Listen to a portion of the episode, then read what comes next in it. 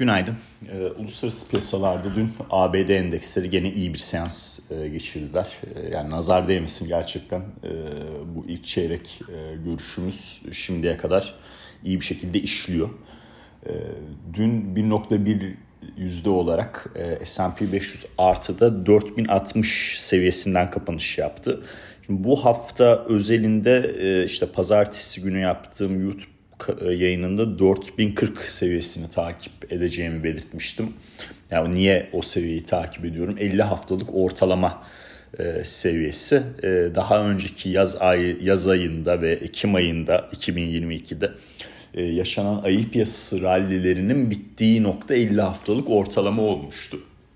Dolayısıyla e, buranın üzerinden üzerinde kapanıyor olması e, bir e, küçük de olsa e, az bir sürede olsa bunu şu ana dair bir net bir bilgimiz yok tabii. Veriler açıklandıkça şirket karlılıkları geldikçe şirket rakamları geldikçe daha çok bilgimiz olacak. Ama bir ayı piyasasından boğa piyasasına geçiş olasılığı artıyor. Öyle söyleyeyim. Ee, burada da 4200 seviyesini S&P 500'de takip ediyorum. Ee, tabii gelecek hafta e, yani e, volatilite yüksek olacak. Bu da genelde denir yani mambo jumbo laflardan biridir piyasanın kullandığı. Çünkü o kadar çok gelişim olacak ki yani öngörebilmek tabii e, çok zor. E, FED'den e, faiz kararını alacağız. Avrupa Merkez Bankası'ndan faiz kararını alacağız. İngiltere Merkez Bankası'ndan faiz kararını alacağız. Ve piyasanın fiyatlamasıyla Merkez Bankası para politikası belirleyenlerin düşünceleri çok ayrışmış şekilde yani İngiltere'de de faiz indirimi 2023'te fiyatlanıyor. FED'de e, işte Amerika tarafında da 2023'te fiyatlanıyor. Avrupa Merkez Bankası 50'şer bas puanlık artışlara devam devam sinyali verirken piyasa 125 totalde 125 bas puan artıştan sonra e, bu işin e, tavan noktaya ulaşacağını düşünüyor. Şimdi bakalım izleyeceğiz. Ee, gelecek hafta belirsizlik çok olacak ee, ama e, benim e, şahsi düşüncem eğer bugünkü e, açıklanacak ekonomik e, verilerde ABD tarafında işte e, kişisel gelirler, kişisel harcamalar e, var. E, Fed'in ana e, enflasyon verisi PCE e, verisi açıklanacak. E, Michigan Üniversitesi Güven Endeksi e, verisi var.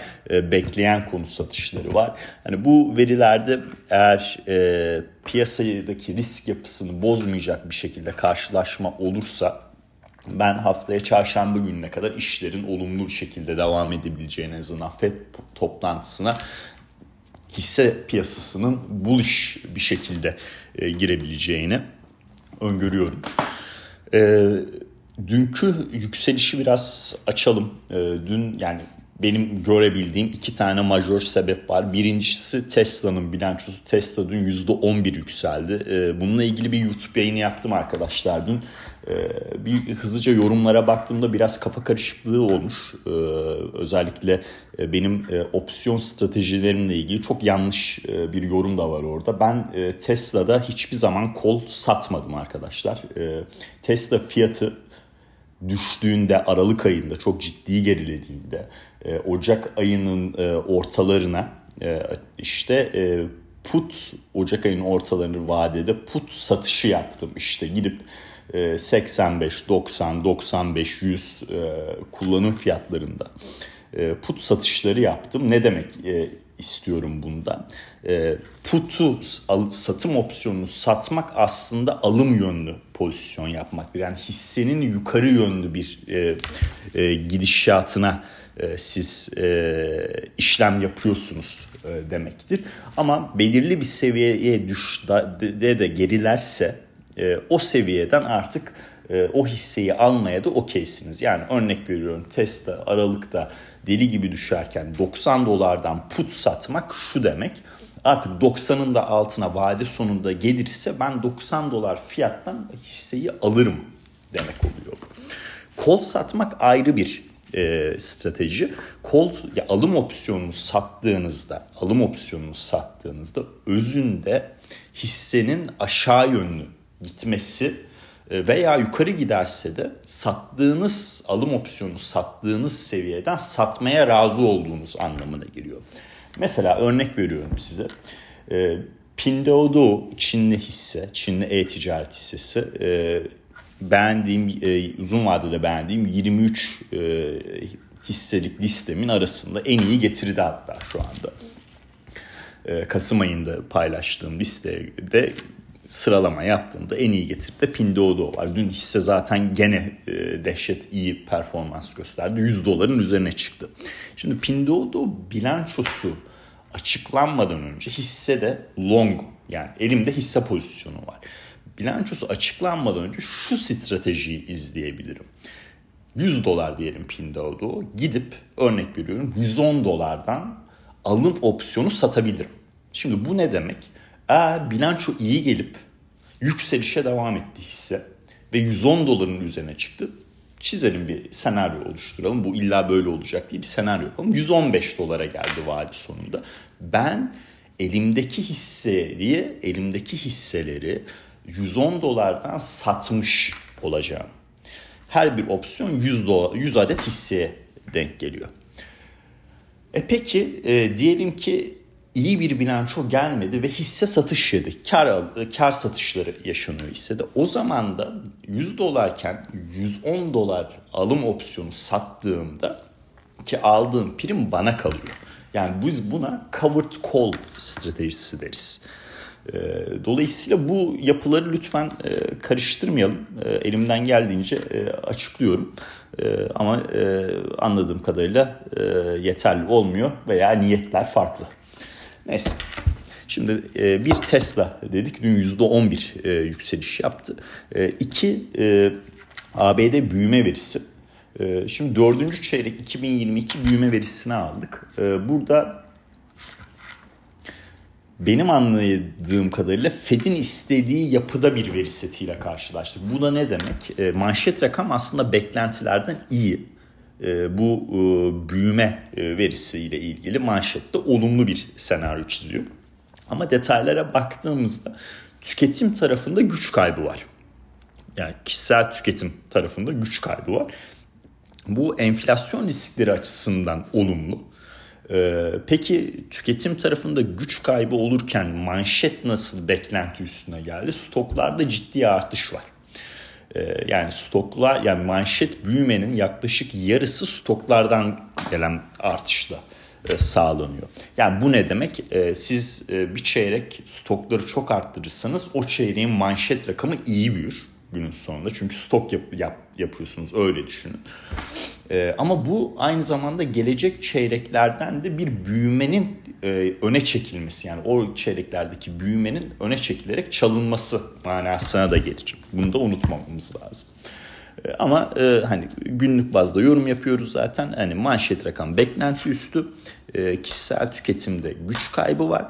E, dolayısıyla Fed'in istediği bir yapı e, söz konusu. E, burada e, FED riskleri şu an için düşük olduğu için piyasa fiyatlamalarında baktığımızda e, piyasa zaten iyi veriyi iyi fiyatlama noktasında e, karşımıza çıkıyor. Hatta haftalık işsizlik başvuruları dün çok düşük açıklanmasına rağmen piyasanın bu denli güçlü kapatmasının sebebi de bu. Tabii haftaya çarşamba günü Powell çıkar. Piyasa ile ayrışmada piyasa yanlı bir pozisyonlanma değil de gene e, inat ettiği e, noktaları üstüne basa basa söyler ve finansal koşulları sıkacağız noktasını gene öne çıkartırsa e, o zaman maalesef e, tabii normal olarak e, hisse senedi piyasaları satış yiyecek. E, dolar endeksi de kuvvetlenecek demektir. Dolar endeksinin bu denli gerilemesi e, işte e, düzeltme süreci e, hani o o da iyi oldu yani Ekim sonu Ekim ayında o dolar endeksinde düzeltme süreciyle ilgili bir YouTube yayını paylaşmıştık. E, o gayet iyi işledi. E, şu noktaya baktığım zaman da dolar endeksindeki e, gerilemenin gelişmekte olan piyasaları da pozitif etkisi söz konusu. İşte Financial Times'ta sabah okudum. Gelişmekte olan piyasalara bu hafta günde 1.1 milyar dolarlık hisse ve tahvil yatırımı olarak bir giriş yaşanmış. Tabii genel bütün bu yapıya, bütün gelişmekte olan piyasaların totaline diye düşünebilirsiniz. Sonuç olarak işte büyüme verisi ve Tesla sonrası bu yükseliş yaşadık. Bugünkü veri setlerini ee, paylaştım. Ee, verilerin nasıl e, verilerin e, hangi verilerin geleceğini paylaştım. Ee, ve haftalık olarak ne noktada bir e, kapanış beklediğimi o seviyede olursa ne noktaya kadar gidebilme potansiyelinin olduğunu belirtmeye çalıştım. Nasdaq 100 endeksi hani vadeli de dün uzun zamandan sonra 200 günlük ortalamasının üzerinde kapanış yaptı.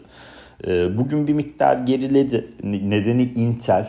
Intel seans sonrası bilançoda e, ciro rakamlarında, öngörülerinde piyasa beklentilerinin altında kalınca normal olarak Intel daha sonra da Nasdaq tarafında bir gerileme yaşandı. Ama bu Asya seansına yansımamış. Mesela Asya seansındaki çip üreticilerinde ciddi bir satış yok.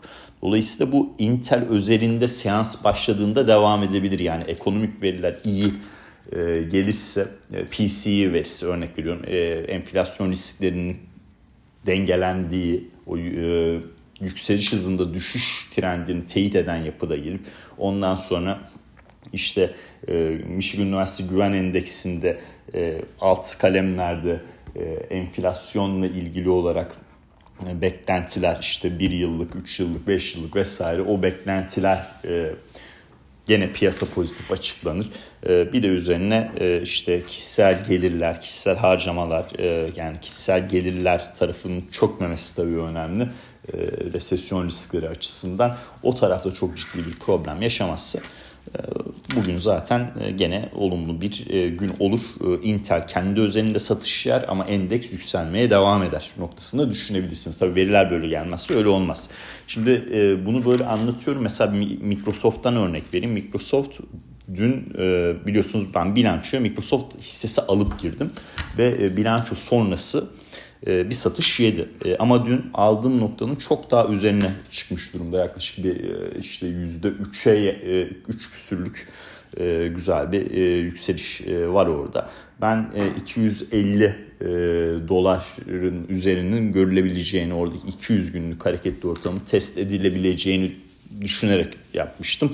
Bilanço sonrası olmadı ama tekrardan toparladılar. Çünkü bu e, işte e, Open AI e, yatırımı, yapay zekanın önemi vesaire burada ilk başta o bulut sistemlerdeki büyüme korkularının aslında farklı bir büyüme hikayesiyle de desteklenebileceği noktasını karşımıza çıkartıyor ve eğer piyasa risk algısı da güçlü kalmaya devam ederse Microsoft da zaten yükselişini sürdürecektir. O açıdan olumlu bir hareket oldu. Yükselişin devamını da bekliyorum açıkçası.